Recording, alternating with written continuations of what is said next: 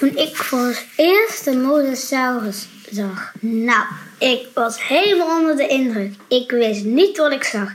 Ik dacht, heeft dit ooit op onze wereld rondgezwommen? En ik dacht ook eerst dat het een landdier was. Maar dat was het niet. Want toen ik die poten zag en die ruggengraat, toen dacht ik... Als er zo'n dier op onze wereld op het land woonde...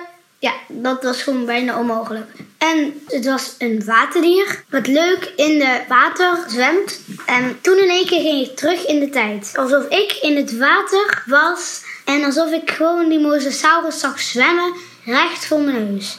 En het leek alsof hij best aardig was. Maar op een gegeven moment, toen zag ik dat hij ook een vleeseter was. Dus hij at heel veel vissen op. Ik weet niet of je ook haaien op at. Maar ik denk het wel, want het is echt een super groot lootestbeest.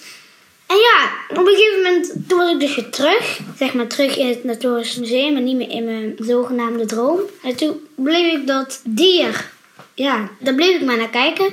En op een gegeven moment toen zag ik ook dat hij een hele scherpe tanden had. En dat hij ook een heel groot oog had.